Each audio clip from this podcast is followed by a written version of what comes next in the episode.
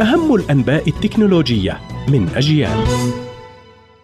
إليكم نشرة التكنولوجيا من أجيال. أهلا بكم. الرئيس التنفيذي لشركة ميتا يعتقد أن منصة ثريدز ستنجح وتصل إلى مليار مستخدم وقال مارك إن هناك عشرة ملايين شخص يستخدمون التطبيق بصورة يومية مبينا أن الخطط الآن الحفاظ على المستخدمين الحاليين وإضافة المزايا المفقودة.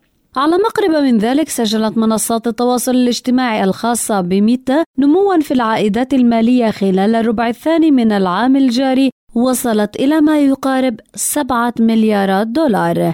علما أن التقارير تشير إلى أن أكثر من نصف سكان العالم يستخدمون منصات شركة ميتا المختلفة.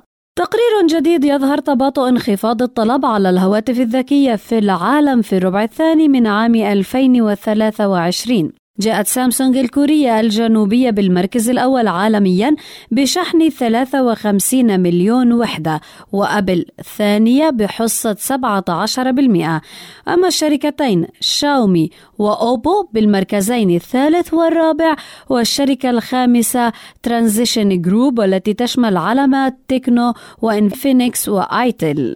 شركة نيورلينك المملوكة لإيلون ماسك تخطط لتطوير أذرع وأرجل آلية يتم التحكم فيها بواسطة جهاز استشعار يزرع في دماغ الإنسان وقال ماسك وقال ماسك إن الجمع بين تطويرات نيورلينك في مجال التكنولوجيا العصبية وخبرة تسلا في مجال تطوير الروبوت ستتيح إمكانية تطوير ذراع آلية وساق آلية تشبهان الذراع والساق البيولوجيتين. هذا ما كان لدينا في نشرة أخبار التكنولوجيا من أجيال. قرأتها عليكم ميسم البرغوثي. إلى اللقاء.